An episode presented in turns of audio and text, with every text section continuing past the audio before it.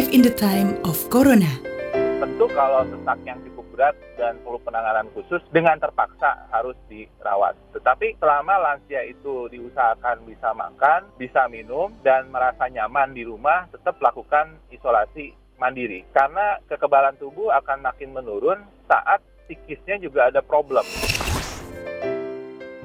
Pandemi COVID-19 telah banyak mengubah hidup kita. COVID-19 memaksa orang Indonesia yang sangat komunal untuk belajar tentang jarak sosial dengan menerapkan physical distancing. Sequis turut membantu mengedukasi masyarakat cara menghadapi masa pandemi COVID-19 ini.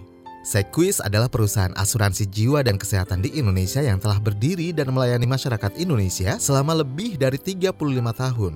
Sequis memiliki tagline Your Better Tomorrow yang berarti hari esok yang lebih baik. Untuk itu, Sequis melalui podcast Live in the Time of Corona ingin membagikan informasi kepada masyarakat untuk menghadapi masa pandemi ini. Karena bagaimanapun juga kita perlu persiapan dan perencanaan matang untuk menghadapi ketidakpastian ini merupakan pesan utama yang ingin disampaikan oleh Sequis melalui kampanye Plan the Unplanned. Semuanya dikemas dalam serial diskusi podcast yang menghadirkan narasumber-narasumber yang kompeten di bidangnya dan informasi ini nanti bisa Anda temukan juga di sequis.co.id. Live in the time of Corona.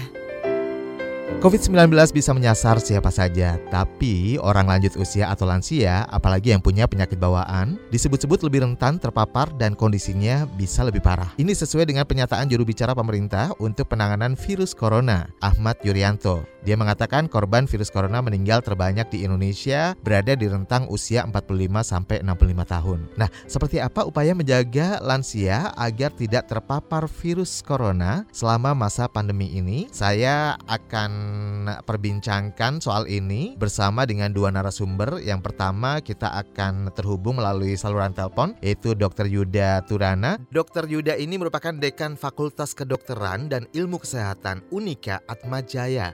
Sekaligus beliau juga pembina Yayasan Alzheimer's Indonesia, sebuah organisasi non-profit yang memiliki visi dan bertujuan untuk membantu dan meningkatkan kualitas hidup orang dengan demensia atau ODD, kemudian Alzheimer beserta keluarga dan caregivers orang dengan demensia di Indonesia. Dan narasumber kami satu lagi ada Mbak Tasya yang merawat dua orang lanjut usia yaitu kakek neneknya dan Mbak Tasya ini kesehariannya juga disibukkan dengan bekerja di sebuah perusahaan swasta di Jakarta.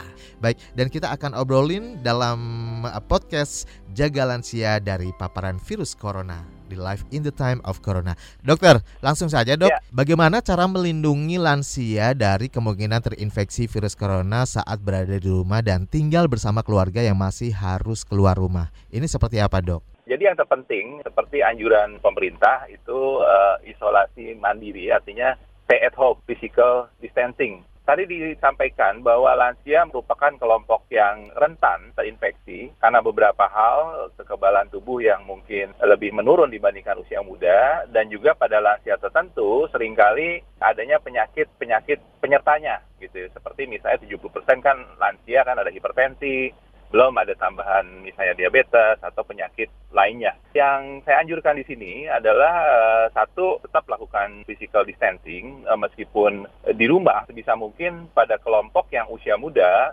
tidak eh, selalu berdekatan dengan lansianya. Tanda kutip artinya kalau kondisi tidak fit itu harus menggunakan masker. Kemudian saya sering sampaikan, kita harus menjaga kebugaran diri. Saya anjurkan ada tiga tips sederhana. Satu, physical distancing bukan berarti physical inactivity. Artinya lansia harus tetap bergerak, bukan duduk di kursi menonton TV. Eh, tetapi sekedar kegiatan sederhana, senam-senam sederhana, itu tetap aktif. Yang kedua adalah nutrisi yang baik, yang lengkap termasuk buah dan sayuran segar. Kemudian tips yang ketiga pada lansia yang penting adalah cukup tidur, cukup secara kuantitas, cukup secara kualitas. Maksudnya kuantitas at least tidur sebisa mungkin 6 sampai 8 jam. Secara kualitas tidur di waktu yang tepat. Kemudian yang kedua adalah kebugaran psikis. Sebisa mungkin lansia jangan terlalu banyak mendengarkan berita-berita yang negatif sepanjang hari. Cukup katanya dimaksimalkan 20 menit,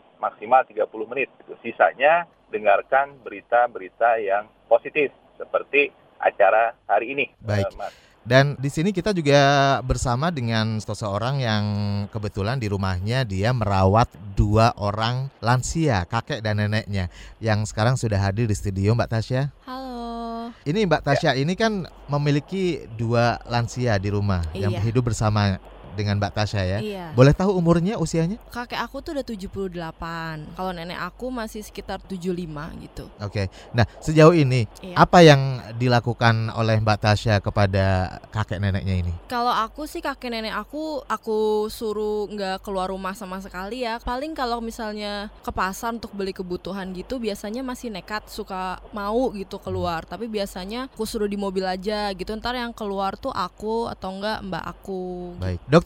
Ini kalau seperti ini, misalnya diajak keluar rumah, tapi tetap di mobil saja. Ini seperti apa? Apakah ada perlakuan khusus juga ketika berada di mobil? yakinkan satu tetap higienis tetap terjaga dari mulai misalnya dari mobil apa sih yang akan kemungkinan terpegang di mobil gitu itu yang pertama Misal handle kedua pintu gitu perlu ya, diingat dok. ya perlu diingat bahwa mobil adalah ruangan sempit dan ber AC gitu ya jadi artinya harus yakin dengan mobil itu berkendara dengan siapa dengan siapa ini yang menjadi masalah seseorang yang asintomatik pada usia muda khususnya meskipun dia tanpa gejala bisa menjadi sumber penular gitu. Jadi kalaupun terpaksa naik mobil, mungkin eh, kaca atau jendela dibuka sedikit dan mungkin menggunakan juga masker gitu ya. Dokter, tahan dulu saya ke Ya. Mbak Tasya lagi. Mbak Tasya, saya penasaran nih, kakek nenek Mbak Tasya ini tapi tahu kan mengerti apa itu corona, apa yang disebut dengan virus COVID-19 ini? Kalau kakek nenek saya sih sudah mengerti ya soal corona, soalnya juga suka nonton berita gitu. Hmm, Tapi emang kalau dikasih tahu, emang orang udah lansia itu emang agak sulit gitu. gitu. Susah banget dikasih tahu kayak disuruh jangan keluar dulu gitu, nggak bisa. Terus tiba-tiba nanti kan aku kan masih harus ke kantor kadang-kadang. Tapi kakek nenek saya ini nanti tiba-tiba pas saya ke kantor dia ke pasar sama mbak saya. Untuk memberikan pemahamannya selama ini, Biasanya aku jelasin sih kayak "Eh, kakek nenek kalau mau keluar tuh pakai masker ya. Ini udah aku beliin. Masker ini sekali pakai terus dicuci. Terus aku sediain juga hand sanitizer, sabun, cuci tangan. Terus tetap harus olahraga. oke. Cuman Olahraga yang di dalam rumah ya, seperti anjuran dokter tadi. halaman, halaman yang tertutup pagar. Kalau sekedar di halaman rumah seperti itu, nggak masalah ya dok ya? Ya, tidak masalah sebenarnya. Bahkan pada kasus yang mungkin lebih ekstrim pada orang tua yang misalnya demensia, itu akan lebih sulit diatur lagi. Memang mengubah perilaku pada lansia itu tidak mudah, apalagi pandemi COVID ini satu pengalaman hidup yang mungkin selama usia 70 tahun baru pertama kali dalam keadaan terpaksa, misalnya lansia tetap akan keluar rumah di kompleks, usahakan eh, prinsip-prinsip physical distancing tadi, misalnya 2 meter dari orang lain, tetap menggunakan masker. Sebenarnya apakah pada dasarnya memang lansia ini di luar corona atau di luar virus COVID-19 ini ya dok ya? Apakah memang Ya. lebih rentan terhadap semua misalnya jenis Ya. penyakit yang lain gitu? Benar demikian, karena sesehat apa pun kita saat usia bertambah, sebenarnya semua fungsi organ kita menurun gitu, termasuk sistem kekebalan tubuhnya. Nah, kondisi inilah sebenarnya yang menjadi rentan terhadap berbagai infeksi gitu, terlepas dari corona. Mbak Tasya, Mbak Tasya tetap rutin memeriksakan kakek neneknya ke rumah sakit sejauh ini? Enggak sih, kebetulan kakek nenek aku nggak punya penyakit yang harus rajin ke rumah sakit, tapi Oke. paling ke klinik untuk cek kayak gula, Hmm. terus eh, tensi. Dokter Mbak Tasya kita tahan dulu karena kita akan jeda dan setelah jeda iklan berikut ini kita akan kembali lagi masih di Live in the Time of Corona bersama Sequis. Kesehatan adalah salah satu modal awal untuk mewujudkan hari esok yang lebih baik. Milikilah perlindungan asuransi kesehatan sejak dini agar Anda dan keluarga tercinta senantiasa terlindungi sekalipun terjadi resiko tak terduga dalam hidup. Sequis, your better tomorrow. Life in the time of Corona. Kembali lagi masih di podcast Live in the Time of Corona yang dipersembahkan oleh Sequis.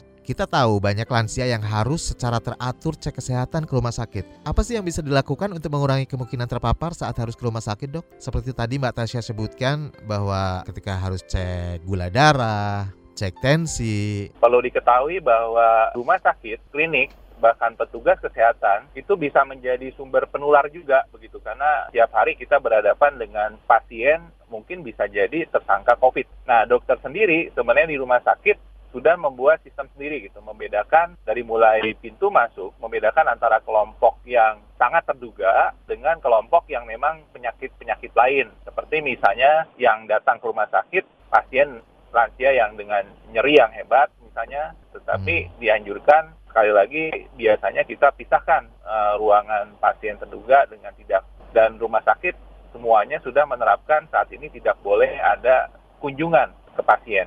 Nah, ya. jika ya. ada lansia yang harus menjalani karantina mandiri di rumah, ini apa yang harus diketahui dan disiapkan oleh pihak keluarga yang tinggal serumah seperti Mbak Tasya ini? sebenarnya untuk di situasi di Indonesia saat ini, apa pun statusnya, prinsip pertama adalah isolasi mandiri. Yang ke rumah sakit hanya gejala yang sangat berat. Saya sering menyampaikan bahwa seberapa berat sih sakitnya sehingga harus diisolasi di rumah sakit begitu.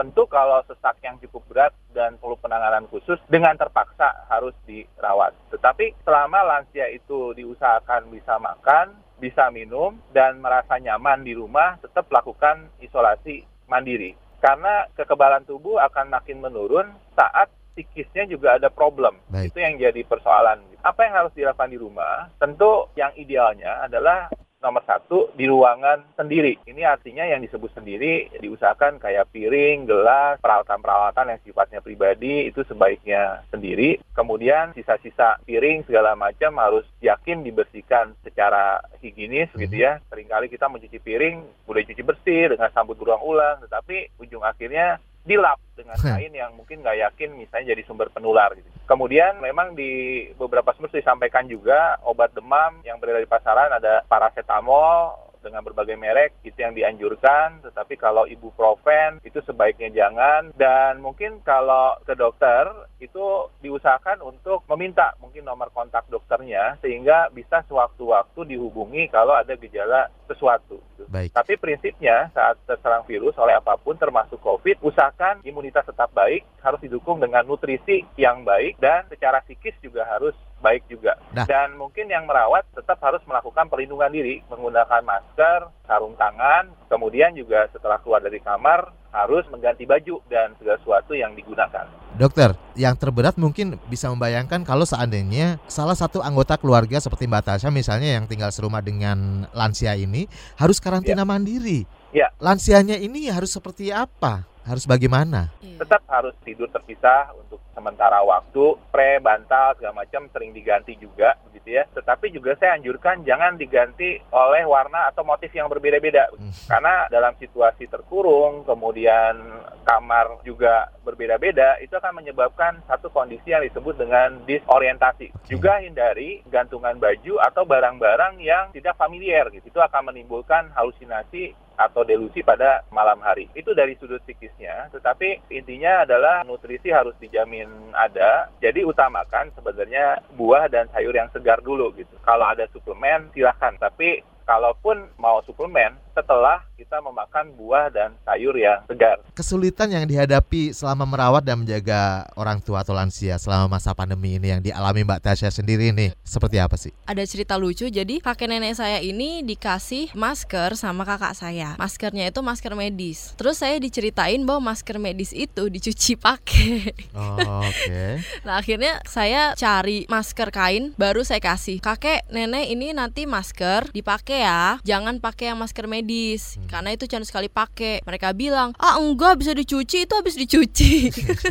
Oke, okay, dokter, ini mengenai ya. masker kain nih. Untuk ya. lansia, ya. tingkat keamanannya seperti apa? Jadi memang ada beberapa challenge uh, tadi seperti yang disampaikan oleh Mbak Tasya saat merawat uh, lansia dalam sudut uh, komunikasi. Yang pertama kalau di Indonesia adalah banyaknya mis informasi begitu ya. uh, artinya uh, berita hoax banyak, kemudian juga meskipun beritanya benar saat ditangkap lansia mungkin ada beberapa frase kalimat yang menghilang kayak tadi akhirnya hmm. masker dicuci mungkin karena mendengar masker kain memang betul bisa dicuci berkali-kali bahkan hmm. dianjurkan berkali-kali dicuci gitu ya. Yang kedua juga challenge-nya adalah disidentifikasi lansia sakit oh iya tapi kan kalau saya sehat gitu ya saya nggak tua itu kok saya masih muda. Nah memang komunikasi tidak semudah teoritiknya, tetapi memang kesabaran untuk menjelaskan gitu ya. Kayak seperti yang contohkan Mbak Tasya, sesimpel masker tadi gitu. Tapi kalau pertanyaannya mengenai masker, memang saat ini untuk yang non dokter dianjurkan sebenarnya memang cukup dengan yang kain gitu. karena sebenarnya ditinggal di satu tempat yang tidak terlalu beresiko tinggi. Beda dengan seorang dokter yang berhadapan dengan resiko tinggi. Saya anjurkan pada orang tua situasi yang umum adalah cukup dengan masker kain gitu ya dibuat bahan yang nyaman. Kemudian sekarang banyak masker kain yang tengahnya bisa diisikan misalnya tisu gitu dan masker kain ini memang betul harus dicuci berulang-ulang. Demikian Live in the Time of Corona bersama saya Rizal Wijaya dengan tema Jaga Lansia dari Paparan Virus Corona. Menghadirkan narasumber Dr. Yuda Turana, Dekan Fakultas Kedokteran dan Ilmu Kesehatan Unika Atmajaya dan pembina Alzheimer's Indonesia serta uh, Mbak Tasya sebagai orang yang merawat lansia kakek neneknya di rumahnya. Saya harus pamit, terima kasih, sampai jumpa di Live in the Time of Corona episode berikutnya. Live in the Time of Corona dipersembahkan oleh Sequis. Your Better Tomorrow.